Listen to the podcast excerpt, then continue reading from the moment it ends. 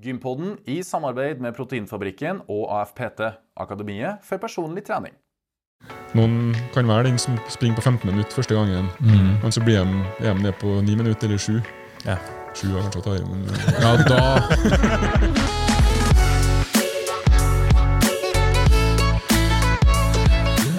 Og velkommen, kjære lytter og seer, til enda en episode av Gympodden. Den joviale pod- og videokasten for deg som er glad i trening, ernæring og den aktive livsstilen.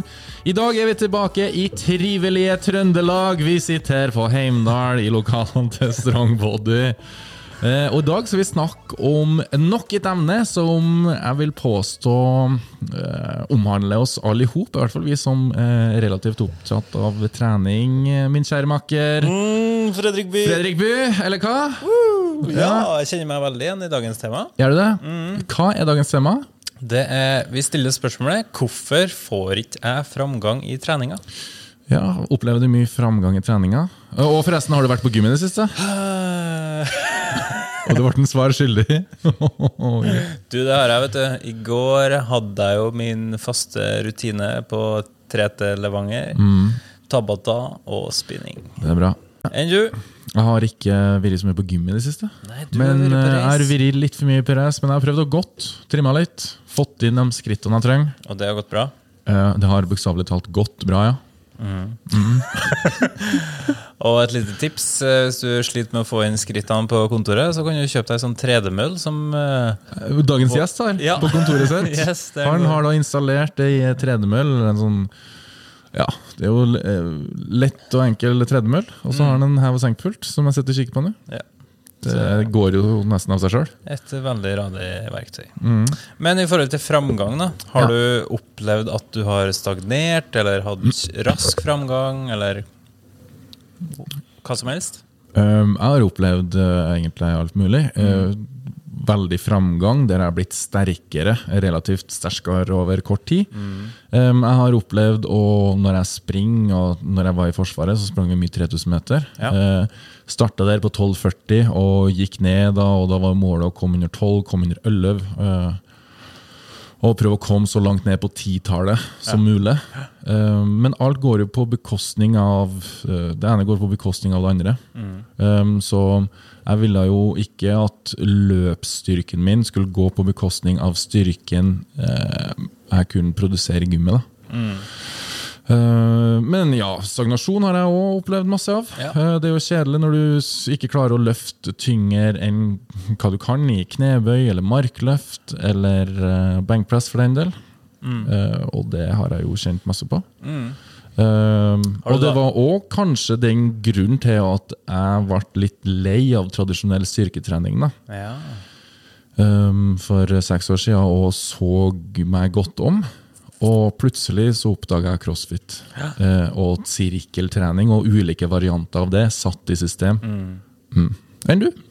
Eh, ja, eh, jeg har opplevd eh, begge deler, jeg òg. Mm. Både i forhold til styrketreninga, at man øker veldig kjapt i starten. Ja. Og så stagnerer jeg litt. Det som ofte har stagnert til meg, er skulderpress. Okay. Der har liksom blitt stopp en eller annen plassen, og så er det vanskelig å komme seg videre. Og det er noe jeg sliter med fortsatt òg. Ja. Og da kjenner man litt på den demotiverende biten. At man eh, føler man gjør noe feil. Eller man blir litt eh, kritisk til sitt eget eh, Opplegg. opplegg. Men hva var det du gjorde da for å oppsøke en framgang når eh, stagnasjon var et faktum? Eh, Nei, jeg måtte jo sjekke litt rundt. da Jeg husker jeg spurte jo andre folk, og de sa jo liksom ta en pause fra skulderpress. Ja, Bro science, Ja, bro science. i garderoben på 30. og kom du deg da videre? Eh, jeg vet ikke, jeg husker egentlig ikke, men eh, nå er jeg i hvert fall sterkere enn hva jeg var den gangen. Men det er jo ikke noe rart, fordi vi har jo begge to gått på et uh, treningsopplegg Yes, uh, laga av eh, vår gjest. Ja. Og velkommen, Takk, takk. Gunnar Strand Jacobsen. Ja. Har du vært på gymmet i det siste? Ja. Hva har du gjort? Bortsett fra å gå på den tredemølla vi snakka om i stad. Ja, Telemølla går jeg mye på. Eneste som slo meg her forleden, at skrittene mine er mye kortere der. Ok, så når du holder på Vi har jo fulgt litt med, Ja, og det- skjer jo 36 000 skritt og 27 000 skritt. Ja. Men det skal vi bare dele på to, da? eller? Slå av litt til kjentfolk? Ja, slå av litt. Jeg vet ikke hvor mye. Jeg håper ikke to, men eh, Men eh, litt eh, lettere enn å gå ut, ja. Ja. Ja, men har, altså, Skrittene blir litt kortere, da. ja. Hvor mye- Ja, hvor mye har det å si da i forhold til den effekten skritt har? Jeg vet ikke, men eh, det er jo veldig mye sunnere enn alternativet mitt, som ville vært å sitte på den stolen. Ja. ja, ja. Så jeg anbefaler det til alle som har kontorarbeid. Mm. Sånn bølle under pulten. Så hev og senk pult. ja. Jeg vurderer jo å skaffe meg en skikkelig kontor, samme oppsett som det er her. Ja. Fordi, og du òg, som har en fast kontorplass. 100 Spot on til meg, vet du. Ja. Men du blir kanskje litt den raringen da, som gjør det. Jeg blir På, kjemperar. Du har eget kontor, så du kan låse døra. Eh, Da blir jeg nødt til å låse døra når jeg hever den pulten. Så går jeg bare og låser den døra, og så får jeg tusselig fred. Men ja, eh, dagens tema er jo framgang, Gunnar. Ja. Har du kjent på det at eh, Nei, nei, ulike er bare framgang. Du har bare framgang, ja? oh, Ja, nei, heldigvis. Ja, del med oss, da. Hva er, hvorfor er det sånn? Jeg, jeg har kjent på det, jeg òg. ja. På hvilken måte da? Eh, Nei, det er jo sånn kroppen er laga. Vi, vi skulle ha ønska mange mange begynner å trene og liksom har den utviklinga. Ja. Så tenker vi at Oppover, altså? Framover. Jeg, jeg har sett mange som, eh, som eh, ja, Jeg har gått opp 20 kg nå i markløft på en måned. Ja. Om et år da, så har jeg 200 kg til. Sånn, ja. Ja, Ja. Men det er jo ikke, det er jo ikke sånn sånn. Nei. Nei. Nei. Så ene tingen er at det nærmer lenger unna normal Eller potensial Eller lenger, hva skal jeg si, lenger unna utrent du kommer. da Ja. Det vanskeligere blir å få mer framgang. Ellers hadde jo folk kunnet blitt uendelig sterke. Ja. Ja. Så det blir vanskeligere og vanskeligere til bedre du blir. ja. Det er det ene.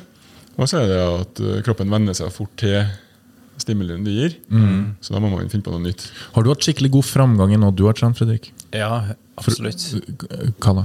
Eh, benkpress har jeg hatt eh, bra framgang. Ja, men Husker du at det gikk fra en måned til andre måned så gikk det sånn ti kilo opp? Nei, det husker ikke jeg. Det er så lenge siden i så fall. Ja. Men jeg husker det gikk ganske radig, ja. Mm. Det er også sånn uh, roing i maskin. Jeg husker I helt hva det- kabelpress? Ja. Eller kabelroing? Kabelroing, ja. Ja. Der uh, fauk det av gårde, husker jeg. ja. Og da, da jeg husker han kommenterte, han som var PT på det gymmet jeg trena før. Mm. Så sa han at det her gikk jeg unna, liksom. Okay. Sterkt, det.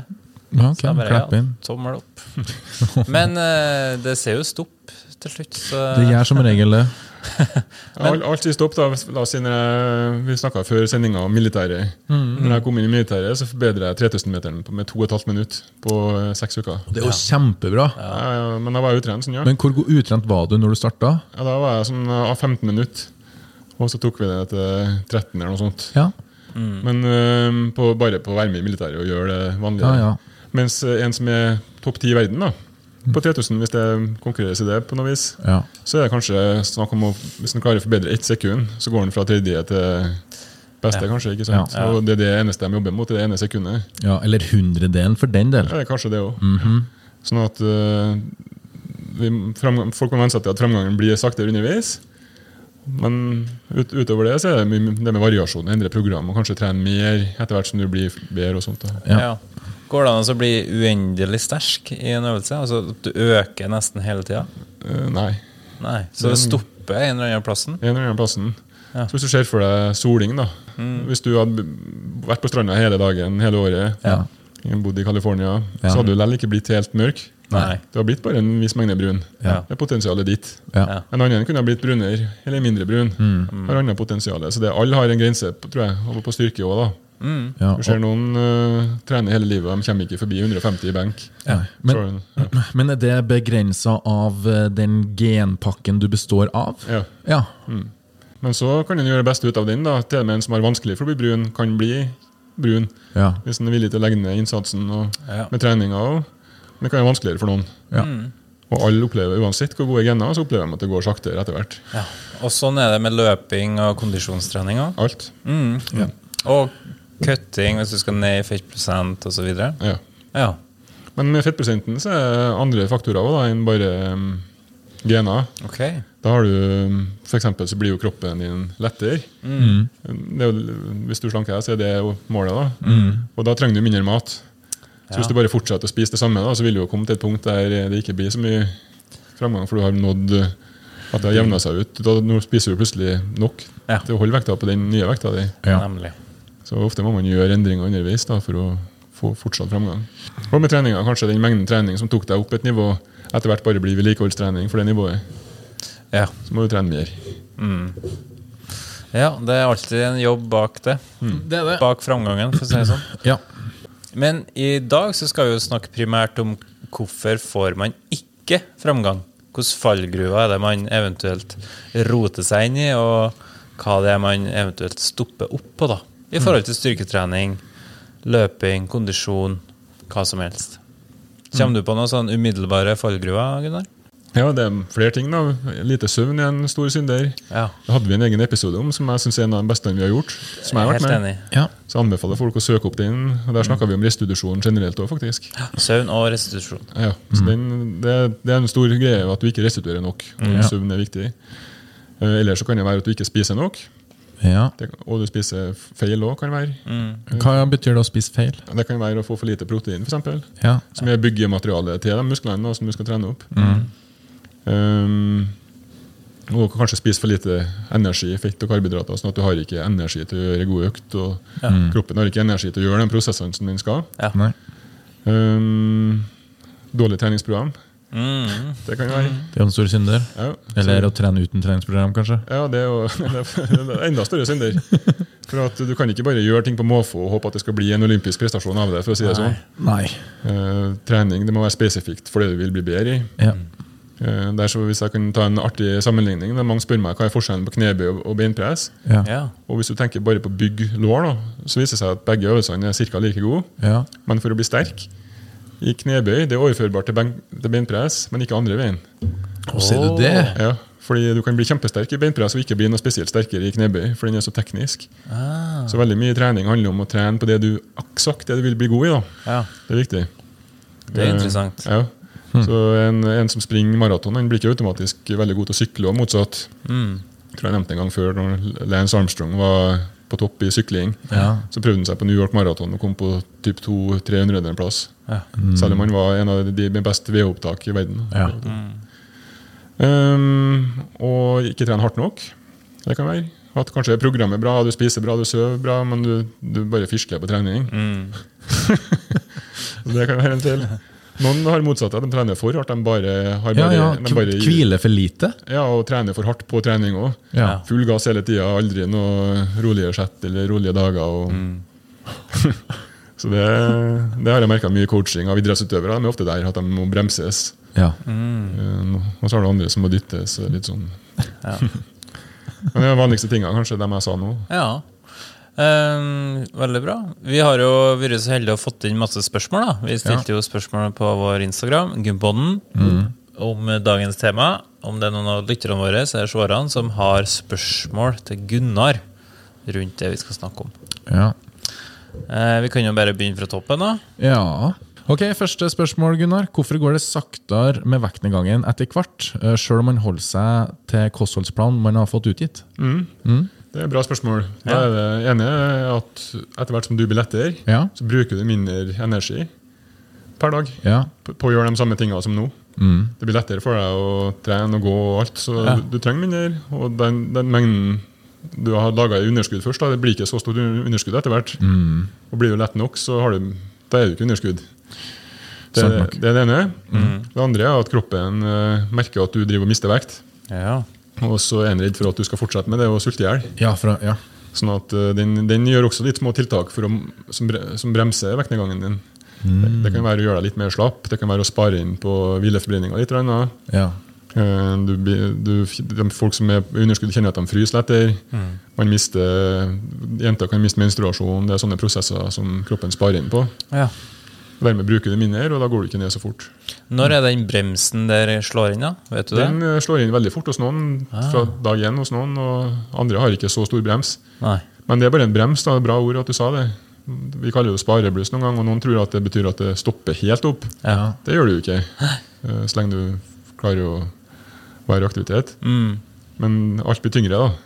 Ja. Du har mindre lyst til å være i aktivitet. ja, ikke sant? Så det går på motivasjon løs òg? ja, og energi, følelsen av energi. Ja. Mm.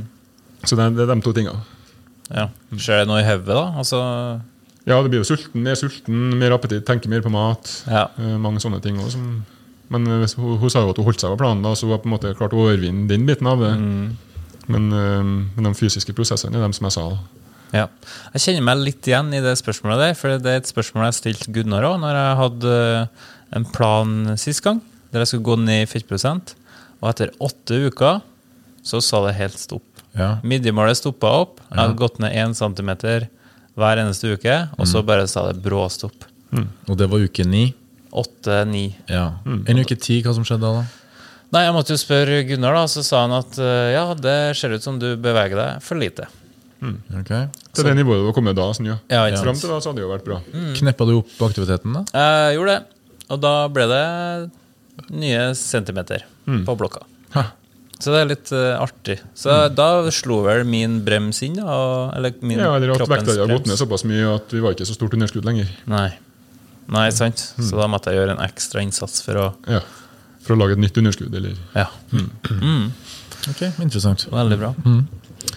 Eh, vi har et spørsmål til fra Ingvild. Hun lurer på Noen trener ikke, men løper 3 km på 11 minutter. Andre trener mye og målretta og løper 15 minutter. Ja.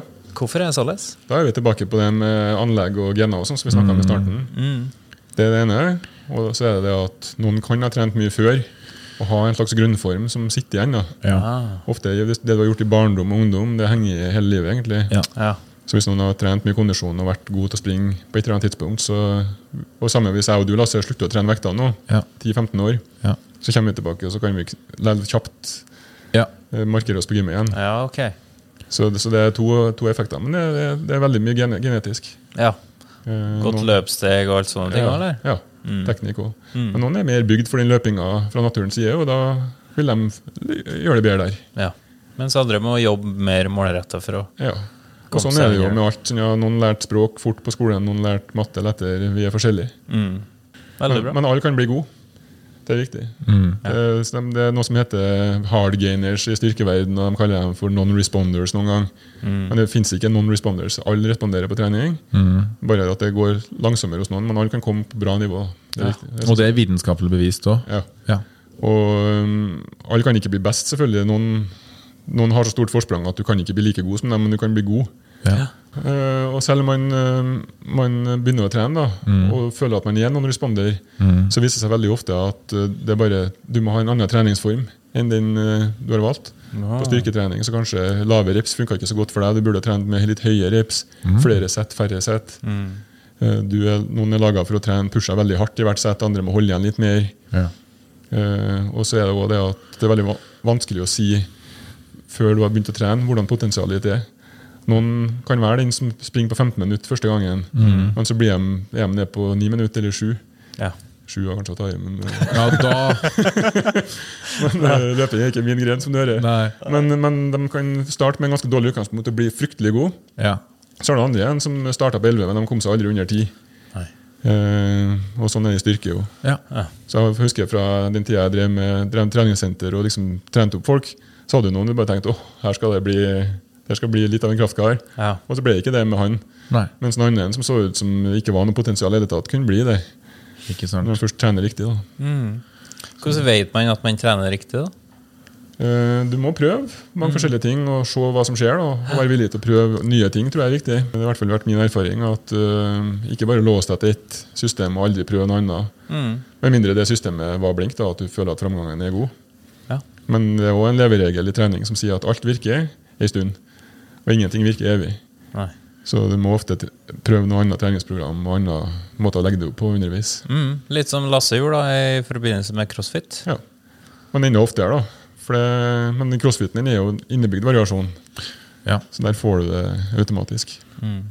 Men i styrke så er det veldig mange som liksom har sitt opplegg. De går på trening, de har programmet sitt. De endrer ikke vekta engang. Nei. Eh, og da selvfølgelig, da skjer det ikke noe i lengden. Nei. Um, så har vi et uh, spørsmål om proteinsyntesen her fra Tor Johan. og Han lurer på hvor mye det har å si i, da, i forhold til hvorfor han ikke får framgang i treningen. Så proteinsyntesen er jo på en måte det som skaper framgangen, kan du si. Ja. Og du trigger den, setter den i gang med å trene. Da øker proteinsyntesen etterpå. Så den har jo alt å si sånn sett. Og, men for at den skal gjøre jobben sin, så må du også spise nok protein, da, som er på en måte byggematerialet til den prosessen. Så han sjøl trenger ikke tenke på proteinsyntesen, han kan tenke på treninga og kostholdet. Ja. Så tar kroppen seg av prosessene. Riktig. Så kan grunnen til stagnasjon i trening være at du ikke spiser nok protein, eller får i deg nok protein via kosten? Absolutt. Ja. En Stor grunn. Ja. Så hvis du ansetter snekkere til å bygge huset ditt, Ja. så gir de ikke materiale å bygge av. Da får ikke de gjort jobben, selv om de står der ivrig på jobb. Ikke sant? Og det er sånn er kroppen. Den må ha protein, har ikke noe annet å bygge muskler av. Nei. Og det hjelper heller ikke da om du gir dem kalla inn dobbelt så mye materiale neste dag. Nei. De får ikke jobba dobbelt så fort for det. De jobber nå i sitt tempo. på en Jeg vet ikke hvilke snekkere du bruker. men- Men eh, så på en måte kroppen de må ha materiale der og da når de skal bygge. Ja, veldig beskrivende og veldig fint svar, Gunnar. Mm. Gunnar. Det er ei som trener mørkløft, og hun spør om følgende. Hun tar 50 kilo i mark, tre ganger åtte. Bør hun fortsette samme tralten, eller endre på noe for å bli sterkere? Og Det er et bra spørsmål, da, for da får vi komme inn på en av tingene som folk gjør mest feil. Ja. Det er at de ikke endrer vekta. For når du, når du har trent da, med tre ganger åtte på 50, Ja. så er det en slags stimuli, og så blir kroppen responderer med å bli litt sterkere. Ja. Og da må du øke stimulien eller trene med mer vekt, sånn at den igjen får seg en push til å bli enda sterkere. Hvis du ikke gjør det, hvis du bare fortsetter å trene med 50, så ferdig opp, og så detter du ned igjen. Da blir du ikke sterkere over tid. Eh, Det er jo helt rett. Og vi vet ikke om eh, hun jenta her veier 50 kilo. Jeg kan kjenne meg så godt igjen, fordi jeg veier 120 kilo, og i jeg må nesten si i, i litt for lang tid, les i flere år, så la jeg bare 120 på maks på benkpress. Ja. Og trent med det. Og ja, isolert sett så er det tungt. Og jeg følte jeg trente, men jeg kom aldri videre og Nei. var oppe og nikka på 130 eller 40 eller 150, nettopp fordi at jeg ikke Ja. utfordra meg sjøl, eller Ja, det gjør ikke. Du bare vedlikeholdt. ja, egentlig. kun vedlikeholdt. Så det, det der er viktig, og det er det kalles for progressiv overbelastning. Ja. Det at du øker vanskelighetsgraden underveis. Så, um, og til slutt da, så vil du ikke klare å legge på mer vekt lenger. For du har blitt for sterk til at tre sett er nok. Ja. Da må du kanskje opp med et fjerde sett. Ja. Wow. Så jeg varierte jo litt da, hvis jeg var på ferietur eller noe og ikke fikk trent regelmessig, så gikk jeg kanskje ned sånn at 110 var tungt, men så opp til 120, fordi kanskje muscle memory, og når jeg kom litt i siget igjen, så var jeg oppe og nikka der jeg var. Eh, kanskje hvis at jeg hva vet jeg, hadde en hvit måned, eller sov nok, eller spist nok, og så var jeg oppe og nikka på 125. Å ja! Men så datt tilbake til det samme gamle, fordi at jeg ikke Jeg kjenner meg igjen godt. Det er sånn komf komfortsoneløfting. Ja. Jeg også har noe som vekter som er vekta mi på noen øvelser på gymmet. Ja. Og der drar jeg ikke forbi. Jeg har holdt på der årevis. Ja. Trener med sønnen min, og han har ingen sperrer. Han bare raser forbi. ja. For han har ikke den komfortmentaliteten. Og så tar han ikke hensyn til Nei. Er det en liten huskeregel å ta med seg der, da? Når man ser at man klarer tre ganger åtte? Ja, når hun klarer, Med en gang hun klarer tre ganger åtte, Ja. øk, øk vekta. Ja. La oss si hvis det er tre ganger åtte som er i programmet, da, Ja. Så klarer du tre ganger åtte på 50. ja. Neste gang prøver du 52,5. Men, Og så klarer du da kanskje bare tre seksere. ja. Og så prøver du tre sjuere, eller én sjuer og to seksere. Du jobber opp til tre ganger åtte på 52,5. Men hvis det ikke går, lønn, Ja. hva er trikset da? Gå ned til fire reps? Nei, når det ikke går Nei, nei, sorry. Ja, ja, men, ja, men, men hvis at det ikke går, Ja. er da trikset å gå ned til fire sett i stedet for tre sett? ja. Og ha fortsatt ja, samme antall repetisjoner? Kan være et triks, men det kan hende at du da bør ha et nytt program totalt sett. da. For markløften vil jo ikke være et resultat bare av den markløfttreninga. Mm -mm. um, men hun er nybegynner sikkert, eller det hører jeg da, på tre ganger på 3,8 50. Ja. Eller, det er ikke helt nybegynner, men, men du er fortsatt ikke avansert. da. ja. Så da vil jeg klare å ha det som heter lineær progresjon, heter det, når du kan drive og legge på hele tida. Ja. Men på ditt nivå da, med 120 i beng så kan du ikke forvente det. Så da er det mer å kanskje gjøre en omrokering av hele programmet. Ja. ja. Men det kan være en løsning, det som du sa. Legg på et ekstra sett. Uh, det, men da må jeg være sikker på at jeg stoppa først. Ikke sant. Og det er jeg ikke nå, for nå har jeg Ja. ikke prøvd noe annet. Kanskje. Eh, Godt poeng. Men ja, oppsummert, hvis du klarer åtte reps på tre sett, så kan du begynne å øke 2,5 kilo. Ja. Fram til du klarer åtte reps på tre sett igjen. Veldig fin måte å gjøre det det. Altså. Mm. Eh, ok, Og så har vi et um, spørsmål fra Mylin. Eh, Og hun spør ved medisinbruk som sinker metabolisme, uh, hvor, hvordan skal man gå ned i fettprosent? Eh, kan en løsning være ekstremt underskudd? Ja, ekstremt det ordet det liker jeg ikke. eller trenger ikke å være svaret det, men så for hun som har med, forbrenninga i sinka medisin, medisin, så vil jo det ligne på en annen som kan ha en langsommere forbrenning generelt. Mm. Så hun må bare gjøre mer.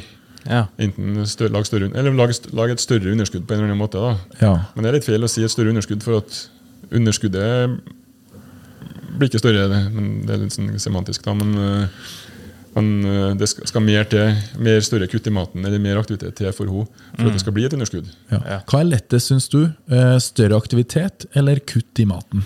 Jeg tror kutt i maten øh, funker til et visst punkt, men så vil du komme på et, punkt der det blir vanskelig å få i seg nok protein, nok fiber, Ja. Ikke sant? nok vitaminer, mineraler, hvis du kutter mer. Ja, Så da er det egentlige svaret økt bevegelse, sånn som du sa til Fredrik. Ja, på, et, Ja. På, et, på et punkt, da, men da må du først ha gjort Du må gjøre det kuttet først i maten. Ja, Så jeg vil si at maten er på en måte viktigst. Men- det er jo det som er dagens tema. Stagnasjon Ja. og framgang. Så når du, når du på en måte har kutta ned et Jeg vil, jeg vil, ikke, si noe grense her, men du må, du må ha igjen eh, Etter at du har fått i deg proteinet, så må du fortsatt ha igjen kalorier å ta av til at du får også et minimum av fett, eh, fiber Mm. og, da vil jeg bare, Fra da av så vil jeg ikke kutta mer i maten, da vil jeg bare økt aktiviteten. Ja. I forhold til ordet metabolisme, kan du liksom forklare hva det er for noe? Ja, så Metabolismen er energiomsetning i kroppen. Vi kaller jo ofte bare, vi bruker ofte ordet forbrenning og litt sånn om en andre med metabolisme. da. Ja. Ja. Og apropos forbrenning, så har vi jo en egen episode om det også, med Gunnar. Ja. Som jeg anbefaler at dere går inn og hører på. Den også var jo veldig fornøyd med god episode, synes vi. Veldig god episode. Jeg har lyst til å supplere den medisinspørsmålet med at det er også veldig få medisiner som faktisk sinker metabolismen. Oh, ja. Så De fleste av dem gjør at du enten får høyere appetitt eller eh, mindre tilbøyelig til å bevege deg. Ok. Mm. Så det er Så det er ikke metabolismen i seg sjøl, det er appetitten veldig få medisiner som påvirker metabolismen i seg sjøl. Ja. Noen bestrider at det finnes noen i hele tatt. Oh, ja, okay. Men eh, Det gjør det sikkert. Men eh, de fleste av dem da, som du legger på av, det er at appetitten går opp. Eller at du blir slapp. Ja, Sånn Betablokkere for eksempel, som gjør at hjertet ikke vil opp og pumpe like fort. nemlig. Og du blir litt slapp. Kjempebra. Og så har vi også ei her som har eh, kaloriunderskudd. Hun trener fire til fem økter i vekka. Hun sover åtte timer pluss hver natt, men opplever ingen nedgang i centimeter og kilo. Hva er det som mangler i hennes verden? Ja, og det, For hun er ikke kaloriunderskudd, det er det som er greia. Hun tror hun er i kaloriunderskudd. Okay. Men kaloriunderskudd-definisjonen er jo at du går ned i vekt. Underskudd, da bruker du mer enn du spiser. Ja. Da, da går du ned i vekt. Det kan bli kamuflert på kort sikt av eh, vann i kroppen, at du ikke har vært på do, mensen og de tinga der. Eller hvis man er utrent og legger på seg muskelmasse. Ja, men eh, det vil ikke i underskudd skje like fort som eh, Teoretisk så kan det gå, da, fordi en kilo muskelmasse har færre kalorier enn et kilo fett. Ja, Men det, det er nesten bare teoretisk. Men det er ikke bare i kilo hun refererer, men også i centimeter. Ja, Så hun er jo ikke i underskudd. Det er det som er. Men hun tror, tror hun er underskudd for hun har brukt en eller annen formel eller en app eller noe sånt som sier hvor mye kalorier hun skal spise. Okay. Og så spiser hun det, men det er ikke et underskudd for henne. Da, da tar jeg utgangspunkt i at hun har testa det her over et par uker nå. Ja. Hvis det er basert på to dager, eller at den uka at mm, perioden hennes slår inn snart, eller noe sånt som gjør at hun har mer vann i kroppen, eller Ja. ikke har vært på do for å veie seg og sånt. Men, øh, men hvis det her har vært over to-tre uker, Ja. så kan vi si 100% sikkert at nei, du er ikke i underskudd. For da ville du ha gått ned i vekt. ja for det er matematikk. Det er matematikk, akkurat det. Ja. På en måte, ja, underskudd er jo det mengden mat du må spise, og bevegelsen du må ha. Det er differansen da, mellom det du spiser og det du bruker. Så hvis du, ikke bruker, hvis du ikke går ned i vekt, så har kroppen din gitt deg svaret. Da er du ikke underskudd. Så da må du justere enten aktiviteten eller eh, maten. Det var det som skjedde der da, etter åtte uker på Ja. din diett, Fredrik. Mm. Da var det ikke et underskudd lenger. Nei. Ja, det er jo brutalt ærlig da, å Ja. gå på det underskuddet. Ja. Fordi hvis du holder deg til en plan som er satt opp av fagfolk, Ja, hvis det hadde vært satt opp av meg der, da, så hadde vi, jeg justert det for henne. Ja. Så det, det, det er derfor vi også har oppfølging på Det er derfor du ikke bare skal ta en plan og så tror du at nå har du fasiten. ikke sant? Du må være villig til å se hvordan responderer kroppen på den, for den, det er den som gir deg fasiten. Ja, fordi selv om ting funker kjempebra på en plan som jeg går på, og Fredrik, oi, oi, oi, shit, hvor ting skjer med deg, så Ja. kan ikke du bare hoppe på min plan. Nei. Nei. Nei, og med hun, Selv om jeg som fagperson hadde satt opp den planen for henne, mm. og så hadde jeg estimert at, eller brukt noen formler og, som tar hensyn til både høyde, og kroppsstørrelse, og vekt, og alder og aktivitetsnivå som hun oppgir. og sånt. Ja. Beregna en kalorimengde, Ja. testa hun på det i to uker, og så sier kroppen her skjedde ikke noe. Da må jeg bare erkjenne at formelen min slo feil på hun. Vi må omjustere. Sant? Og, og så er det også en fallgrube som noen går i, at de er i underskudd seks dager i uka. Ja, Men den syvende dagen så spiser de det opp igjen. Ok. ikke sant. Eh, Det er mange som gjør med sånn spisekveld eller spisedag eller et eller annet som Ja. tar av. Det trenger ikke ta av så mye heller, fordi hvis du ligger 500 kalorier i underskudd da, per dag, 3000 på seks dager, Ja. spis 3000 ekstra den sjuende, det er ikke vanskelig. Nei. Uh, Nei, nei, det er jo Og da har du på en måte, Totalt sett da, så er du ikke i underskudd den uka. Og da flytter ikke vekta seg da heller. Nei. det gjør, Så du kan være flink som bare det seks dager i vekka. Ja. Hold deg til plan. Eh, både aktivitetsnivå i forhold til hva du skal ha inn i kalorimessig. Men hvis du skeier ut, og skeier litt for hardt ut den sjuende dagen, la oss si en søndag, så Ja, da nuller du ut igjen. Da legger du på igjen den dagen. da. Mm. Å, kjære meg. Men uh, man har jo rom for å skeie ut med moderasjon. Ja. Men i den perioden du skal ned i vekt, så må man være, mm, bruke moderasjon. Uh, Som sagt, på den sjuende dagen. da. Dette er ofte tilbakemeldinger du får i din coaching hver dag. Nei, ikke vi, for vi styrer, hjelper dem med det her. Ja. Men, uh, men i spørsmålene mine på, på hva heter det?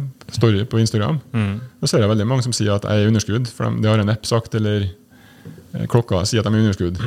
ja.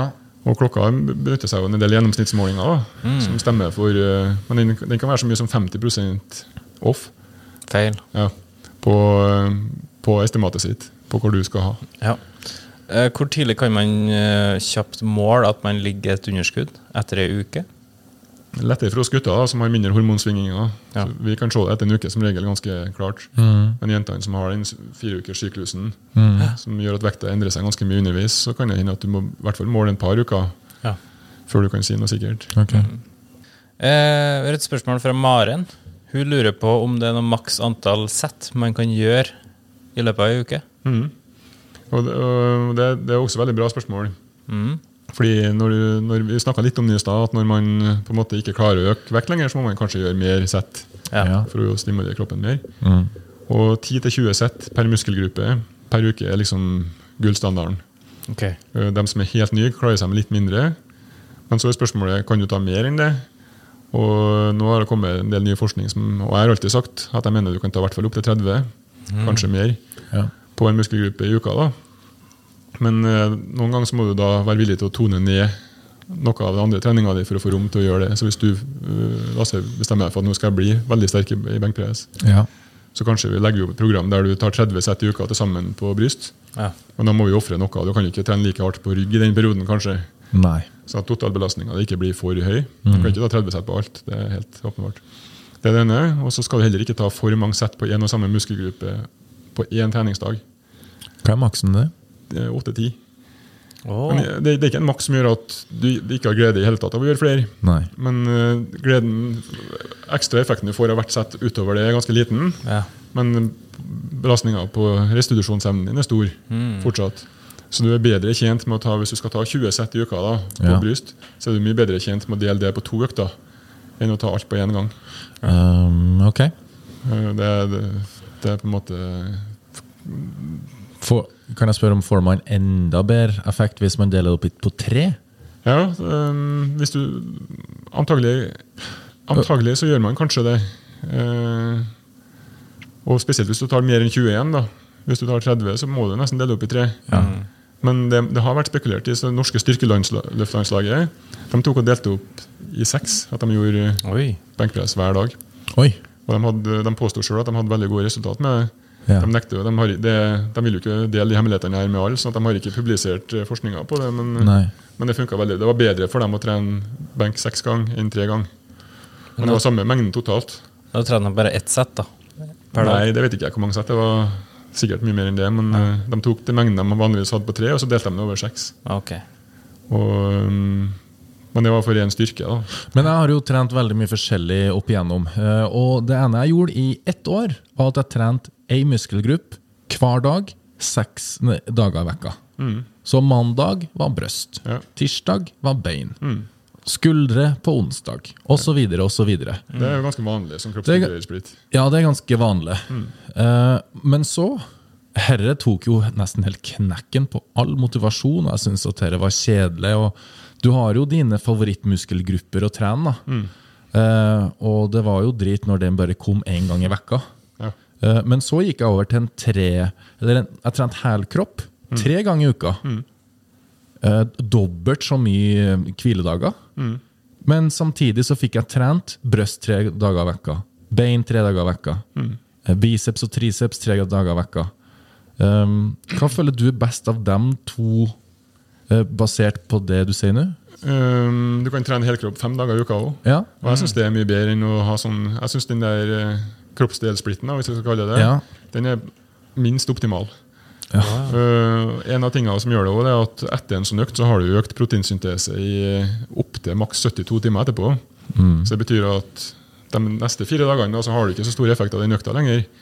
Så etter en treningsøkt så har du økt proteinsyntese, altså økt muskelvekst, i opptil 72 timer. Ja. Men hvis du da venter i sju dager, da, som er mye mer 72, dager er jo, 72 timer er jo tre dager, Ja. så venter i sju, så har du på en måte begynt å gå ned igjen litt. Ok, Så sånn sett så er optimal splitt To til tre eh, ganger i uka. to til tre ganger i vekka basert på den proteinsyntesen. Ja. Ja. Og så vet vi ikke om det skulle ha vært lurt å gjøre det enda oftere, for det er sånn avveininger på det. Så det blir for lite på hver økt, og så kanskje det er ikke nok til å lage nok stimuli den økta. Ja. Så det er vanskelig å si, men to til tre det vet vi helt bombesikkert. Det er bra. Men så spørs det jo helt da, sånn som den splitten jeg hadde, så husker jeg at jeg dro på veldig bra på mandag, trena litt lettere på onsdag, Ja. og klinka til på lørdag.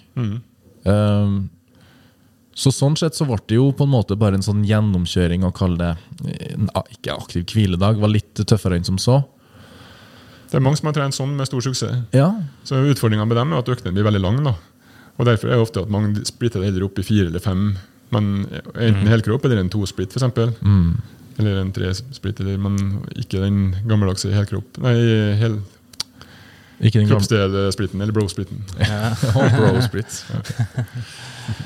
um, her er det en kar på 50 som lurer på om han bør endre noe på i forhold til da man var yngre og Ja. trena. Um, spørs om man har holdt koken hele veien. Ja, jeg skulle til å si det. For det vanligste feilen, da, menn på min alder i 40-åra, som- eller 50, som skal begynne å trene, er at de fortsetter der de slapp for 30 år siden. Ja. Finn fram det børste støv av programmet og bare fortsett. Ja. Og så er de skada etter en måned. Eller. Ja. Hva bør de gjøre, da? De bør begynne som en nybegynner. og begynne med en, Der også anbefaler jeg en sånn tredagers helkropp, som det du snakka om, da, men, men med færre øvelser, sikkert. Ja. Alle det vi la ut på, på Gympoden eh, Stemmer. tidligere, finner de sikkert hvor, Fredrik? De finner på vår Instagram, Gympodden, finner Ja. de et veldig fint uh, tredagersprogram Ja. helkropp Ja. for Ja. både mann og kvinne. Ja, så noe sånt. Begynn der. Og utover det så trenger ikke han på 50 egentlig å tenke på så mye annet enn en på 20. Eh, bortsett fra at vi er mer utsatt. Vi er jo blitt litt stivere med åra og kanskje må varme opp litt bedre. Mm. kanskje har du noe vondt da som gjør at du må unngå noen øvelser, og sånn, men det er bare å lytte på kroppen. Trenger ikke å holde seg igjen med bevisst sjøl han utover det kroppen gjør for han. Eh, Og så har vi et spørsmål fra Monica. Tips til hvordan man kan måle framgang. Da hun skriver at vekta kan være håpløs, så hva annet kan vi måle eller sjekke? så siden hun nevner vekt, så tenker jeg kanskje kroppsvekt her nå. Ja. Og da kanskje holdt på med slanking. Da anbefaler jeg heller å måle med målebånd, faktisk. Ja. Mål, mål på mange plasser der du vil ha bort fett. da. ja. Rundt mage, midje, lår, kanskje og Ja. armer og sånt. Og så følger du med på det. For det er som du sier, vekta svinger jo opp og ned ganske mye. Ja. Ut fra hvor lenge det er siden vi har vært på do, alle alle de tinga. da. Ja. Hormoner og sånt. Hvilke rutiner bør man ha på måling da? Øh, Det er faktisk også veldig viktig å måle det var bra du sa, Fredrik, måle på tom mage på morgenen. Ok. Samme med veiing òg. Ja. Hvis jeg drikker den her nå, så er jeg jo etterpå 700 gram tyngre tilsynelatende. Ja. Men det er jo bare for at vannet ligger i magen min akkurat da. ja. Så gjør det før du har spist om morgenen. Tørre vekt også. Ja. Mm, og gjerne fast dag òg. Ja, I uka, eller? Ja, eller noen, noen har trua på Men noen veier seg flere dager, så snitter de det. Det er jo en måte å gjøre det på. Ja. Og hvis man tar en fast dag, da, så ikke får panikk eh, hvis den dagen tilfeldigvis var litt høyere, da Ja. kan du heller ta en kontrollmåling et par dager etterpå. Mm. Jeg bruker jo sjøl, når jeg bruker å kutte, så måler jeg jo én gang i uka. Ja, hvilken Maks. dag er du har blinka deg ut? Nei, det varierer. Det kan være pluss-minus én dag i forhold til den dagen. Oh, ja, så det er ikke sånn mandager, da er det Nei. Nei. Så det kan være en tirsdag eller en onsdag òg, for den del. Og så kan det jo gå 14 dager mellom jeg måler. Ja. Litt for å liksom prøve å glemme det litt. Ja, ja. Ikke ha det målefokuset. Altså Når jeg kommer tilbake til målinga, så er jeg liksom Oi, wow. Ja.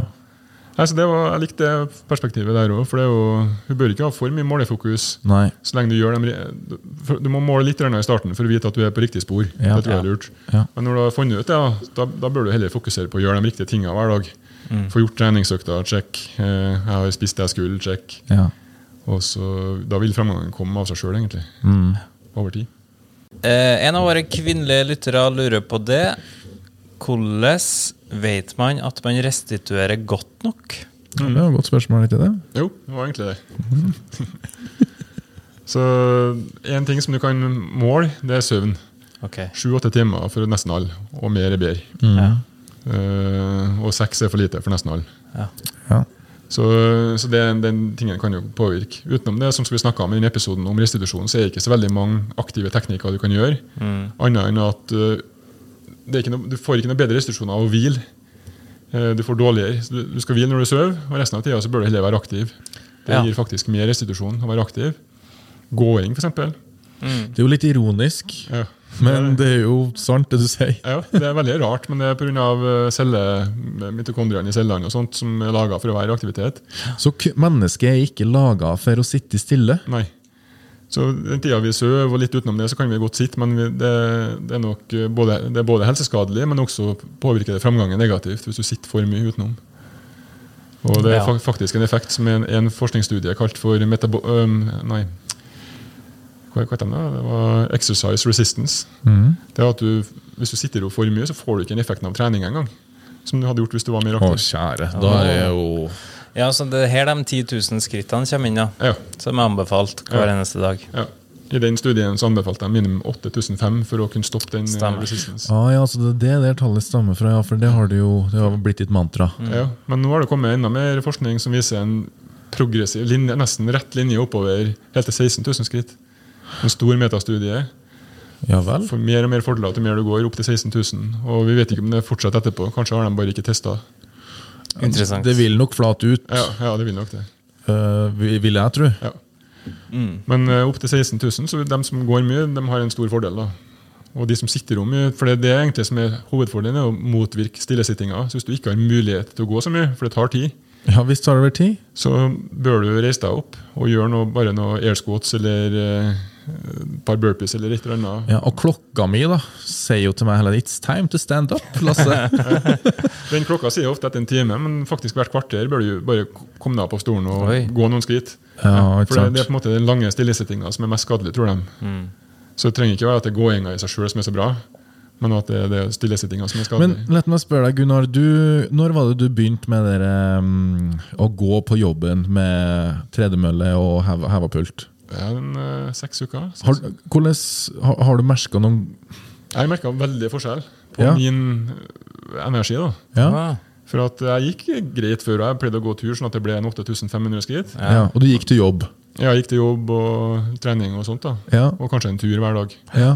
Men uh, etter jeg begynte med den der og står på beina i stedet for å sitte, ja. så har det blitt naturlig for meg. Jeg, kan, jeg er ikke stadig på utkikk etter nærmeste sitteplass hvis jeg står og snakker med noen. Eller, ja, for var du der før? ja, litt mer sånn på gymmet mellom setta.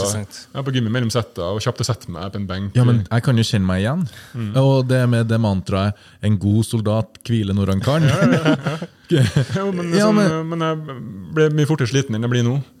Så nå føler jeg ikke det er noe pes å være på beina hele dagen. nei. Så Det er jo en sånn ting som kommer ganske fort, virker det som. Ja.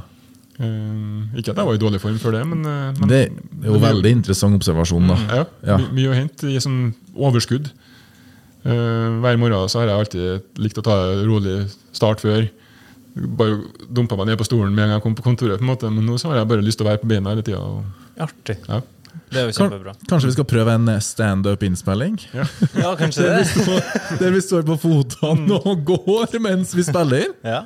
Ja, jeg, jeg ser jo to tredemøller her, så kan vi trenger bare ei til. Ja, kropp, kroppen er morsom sånn. at Man får energi av å være i bruk, at, den- at den er i bruk. Det er jo kjempebra. Ja. Jeg har et annet tips der i for- i forhold til det å få inn nok skritt. Mm. Jeg har jo blitt veldig opptatt av å liksom få inn minimum 8500 skritt. Mm. Så når jeg har eh, styrketrening, så har man jo som regel to minutter pause mellom settene. Mm. du gå Og da fører jeg og går til andre enden av gymmet Gjør du det? og tilbake. Ja, Gjør Så du det? cirka bruker to minutter. Yes. ja, det er nok bra. Det er jaggu ikke dumt. Så det er et uh, tips. Ja. Og det er et tips for restitusjon òg, som hun spurte om. Mm. Det å gå etter bentrening, f.eks. Hvis du går en kvarter etterpå, restituerer du litt bedre enn hvis du bare setter deg i bilen og kjører hjem. Gjør du det? Ja. Så hvis du kan gå etter trening, det er en stor fordel, faktisk. For de som bor nært nok. Ja. Ser du det, ja? Ja. Og det er uavhengig. Det må ikke være fotøkt. Det kan nei, være hva som helst. Sykkel, Ja. Og det må ikke være Svømming. Ja, nettopp. svøm til trening. Ja, den, ja. Nei, jeg tenkte, hjem. Ja, Man, må ikke gå noe, lett, da. Som bare Ja. får ja, men jeg tenkte etter at du tar ei svømmeøkt, at du går hjem etter den? da? Ja, det vil jeg tro. Det vet jeg ikke, jeg har ikke sett, men eh, det vil jeg jeg tro. tro det. Ja. For det, jeg vet også i løping at en sånn rolig restitusjonsøkt øh, hjelper på der òg. På restitusjon. Sånn, Jeg syns det er fascinerende hvordan vi er oppbygd. Også. ja, det er det. Ja, men det er det. Så aktiv hvile, som de sier òg. Men det har- kommer ingen noensinne til å gjøre. Men hvis du går på gymmet og tar en sånn aktiv hvileøkt dagen etter en tung økt, så vet de at det også funker. da. Mm. Hvis du har hatt en tung brystdag i dag, Ja. så går du og tar en kjempelett en i morgen, så restituerer du deg fortere. Men da er vi på et nivå som øh, Da, da bør det jo være øh, av yrke for å Ja, okay. ta tid på noe sånt, tenker jeg. da. Ja. Men ja. For det er ikke så stor effekt at det er verdt det for menig menig mann. Nei. Men når det er snakk om små marginer i Ja. idrettsverden, så Ja. er det Ja. Mm. Så for hun som spurte, øh, søvn er det hun virkelig kan påvirke, og så det å ikke sitte i ro for mye. Ja. Og øh, ellers så Alle de andre tingene har jo ikke med restitusjon å gjøre. Mat det er noe annet. på en måte Mm. ja. Og du kan ha dårlig trening. og sånt som det Så selv om du ikke har framgang, så er det ikke sikkert det er restitusjonen det er noe feil med. Nei. Det kan være en annen kan være mat eller trening òg. Mm. Men overtrening, da, som er et øh, også beslekta tema som folk spør om, ja. Eh, Da er det mange som har sagt ja, finnes det overtrening, eller er det bare for lite restitusjon som er greia. Og det er en sånn evig i styrke. Skal Ja. mye til å overtrene. Um, spesielt i en muskel. Det er nesten umulig å overtrene i en bestemt Ah, ja. muskel. Ser du det? Ja. Men du kan overtrene systemet ditt som helhet. Ja. Så hvis du prøver liksom å springe maraton hver uke, og du trener ti timer styrke og presser deg for mye, da blir du overtrent. ja. Så hele maskineriet Ja. Men, eh, får knekken. Ja. Mm. Men det er en sånn, eh, kanskje kunne vært en egen episode en gang om overtrening. Absolutt. ja, ja. Vi tar med oss det, og hvis du har forslag til tema vi skal ta opp med Gunnar, fyr inn ei melding på Instagram, e-post, Facebook, anything. Det blir vi glad for. Eh, og Gunnar, Kenneth lurer på hvor mange kalorier, karbohydrater, fett og protein man burde ha i seg uh, mens man kutter. Det er jo litt sånn generelt spørsmål du, når du ikke vet hvor aktiv han er, hvor gammel han er, eh, høydevekt. Ja. Du vet at han er en mann, men Ja. det stopper liksom der. Ja. Så det, men jeg kan si litt sånn, helt generelt da, så kan vi jo si at en bør ha et par gram protein per kilo kroppsvekt. Ja. Men da bør en kanskje tenke målvekt. Hvis han er 200 kilo nå, for å ta i litt, Mm. så skal han ikke ha 400 gram protein. Han trenger ikke å mate Nei, fleske med protein. Nei. Nei. Det er ut fra på en måte litt mer sånn normal kroppsvekt. da. Ja. Og antagelig så bør han ikke under 0,6 gram fitt per kilo kroppsvekt. Så det, ja. Ja, for vi må ha litt fitt ja. Um, Det er sikkert òg noen som ikke er helt klar over det. ja, du kan gå litt lavere, men jeg, jeg tror eh, sånn for helsemessig så tror jeg det er lurt å holde seg der. Ja. Så bør han ha minst 25 gram fiber hver dag, helst mye mer. Ja. 35 kanskje også for en mann. Ja. Og så karbohydrater blir akkurat det du sa, at det blir resten. ja. Og da, må han, eh, da, da kommer det inn med kroppsstørrelse og aktivitetsnivå. Så det er vanskelig å si noe tall på kar- karbohydratene. Eh, Men i forhold til vann og væskeinntak, da. mm. uh, Det snakker vi ikke så mye om, og det blir, går kanskje litt i glemma. Ja. Uh, Er det noe man bør ta hensyn til? Ja, men der, der har jeg alltid vært veldig enkel og tenkt at du kan De fleste av oss klarer oss med tørstefølelsen der. Ja. Drikke når vi er tørst.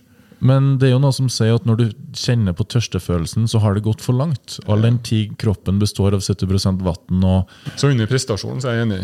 Da bør du drikke før du blir tørst, hvis du er ute og springer. Eller. Ja. Men sånn resten av dagen, når du ikke er i trening, da, ja. så holder det med den tørste. Og noe til det du skal prestere, da, er viktig med ekstra vann. Nemlig. Uh, særlig på kondisjon. Ja. Og man kan jo sikkert justere væskeinntaket sånn at du drikker litt mer før du skal gå en tur eller Ja. trene ei økt på gymmet eller Ja. Men jeg hadde ikke villet blitt opphengt i det og følt at det var en sånn enda en ting å kontrollere. Nei. For jeg tror det blir litt mye, og at det ikke har, er så mye hint der. Da, kanskje. Men med mindre man holder på med kondisjonstrening, Ja. da, de må holde seg hydrert. Jeg kan si at jeg starter bestandig dagen med et glass vann. Ja. Eh, Det er mange som ser dem starte dagen med en kaffe, og det gjør jeg, men jeg drikker bestandig vann før den kaffen. Det gjør jeg òg, og jeg drikker vann som er romtemperert. Ja, jeg gjør det samme sjøl. Jeg så faktisk en trener som jeg liker å følge. Han sa at uh, en av hans non-negotiables, altså Ja. en av tingene han aldri fraviker, det er at Ja. han starter med én liter vann i morgenen. Se det. Så noen Jeg er ikke helt der at jeg står og glugger nedpå det, men eh, jeg drikker eh, Mm. Og jeg begynte å drikke romtemperert. Jeg tror at jeg glemte å sette inn flaska i kjøleskapet. Fordi, og det er jo mye lettere å drikke romtemperert vann. Og norsk vann, det, det, det går jo ned både temperert og kaldt. Yes. Ellers har jeg også sett noen uh, trenere som anbefaler å tisse blankt før tolv. Før lunsj. Ja, ikke sant? drikke nok til det, og så at du klarer å gjøre det en par ganger til i løpet av dagen. Åh. Uh, det skal mye til, tror jeg, men Uh, Ja, det er jo veldig individuelt å følge. ja. Siste spørsmål fra Helena. Hun lurer på hvor grensa går for et kaloriunderskudd til det hindrer fremgang. ja. Framgang i styrke, da. Sikkert. Eh, kanskje? Antageligvis. Ja. Så til mer eh, overvektig du er, eller til mindre muskler du har, Mm. jo lettere er det å få til begge deler samtidig. Ok. Så en helt nybegynner som er litt overvektig, kan fort miste mye fett og bygge mye muskler samtidig. Og nesten så fort som det du snakka om tidligere, at vekta rører seg mye mindre enn man skulle tro. da. Ja. Fordi Ja. du bygger muskler samtidig som du mister fett. Ja. Og til mer trent det blir, og jo mindre fett du har, jo vanskeligere blir det å gjøre det samtidig. Ja. Så en, eh, når jeg, jeg coacha fitness før òg, Mm. og der måtte vi kanskje ned på at underskuddet bare var et par hundre kalorier når de begynte å nærme seg den formen. For at de ikke skulle miste muskler. Nemlig. Mens eh, når jeg begynte dietten min nå, på meg sjøl og liksom hadde 15 kilo for mye fitt, kanskje 20, Ja. så kunne jeg bare kutte. Trengte nesten ikke å tenke på å miste muskler. Nei. Det var så mye fitt å ta av, sånn at eh, kroppen bare tar det. ja. Og, så så det, det er svaret. At uh, Vær mer forsiktig jo mindre fitt du har. Mm.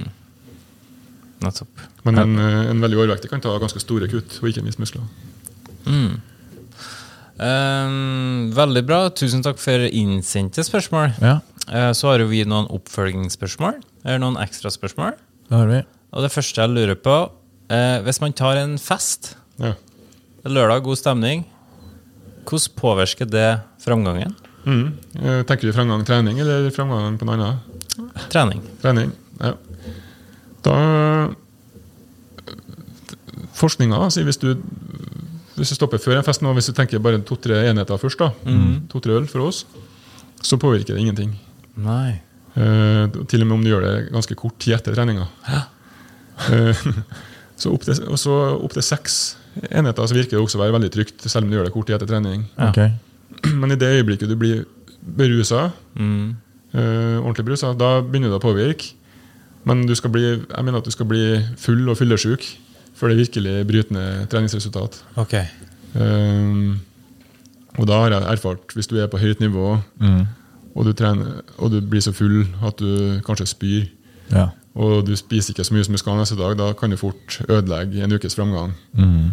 Men, um, men hvis, hvis det er noe Hvis det er en normal fest, da, der du på en måte ikke er skikkelig fyllesyk, Mm. så ødelegger det ikke så mye.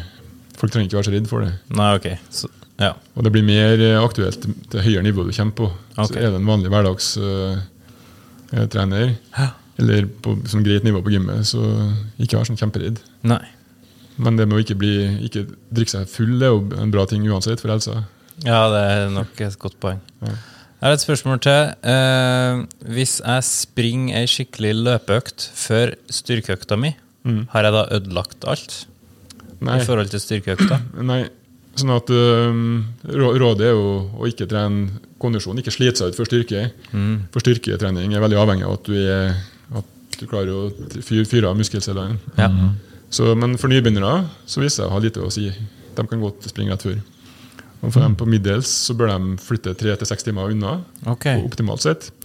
Og på de på høyt nivå de bør helst ta det på en annen dag Mm.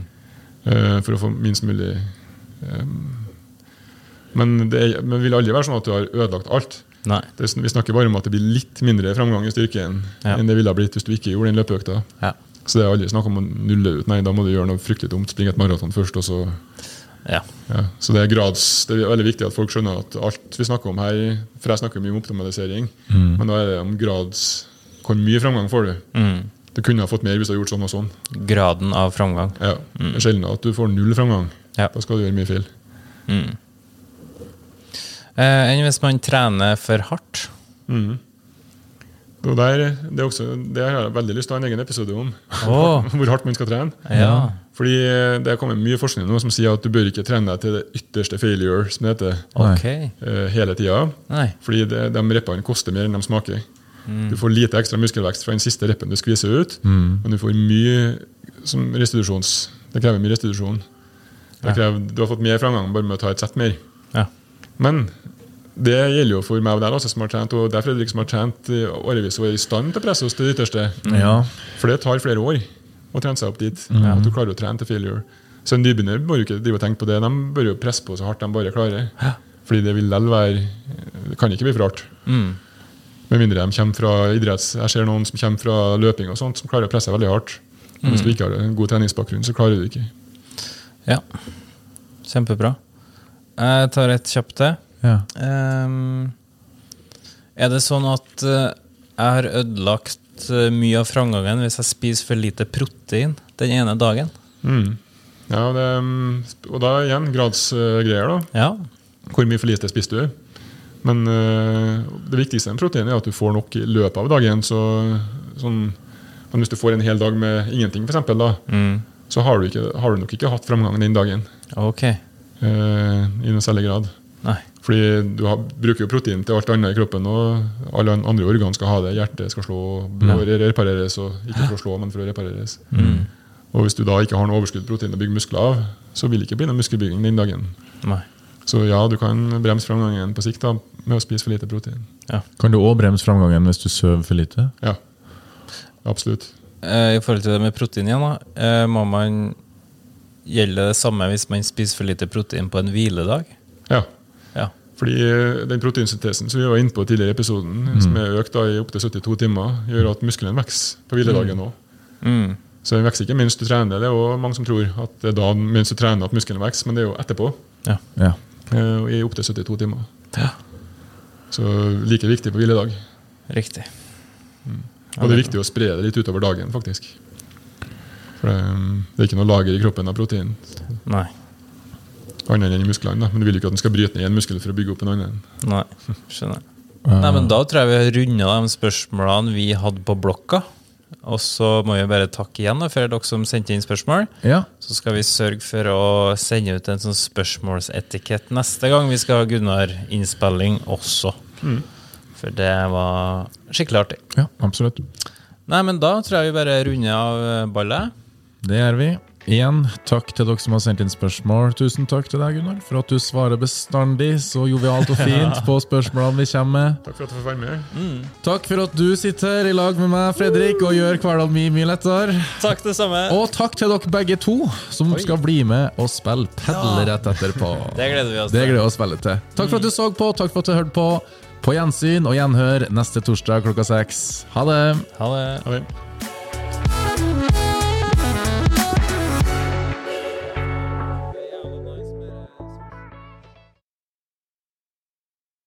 Gympodden i samarbeid med Proteinfabrikken og AFPT, Akademiet for personlig trening.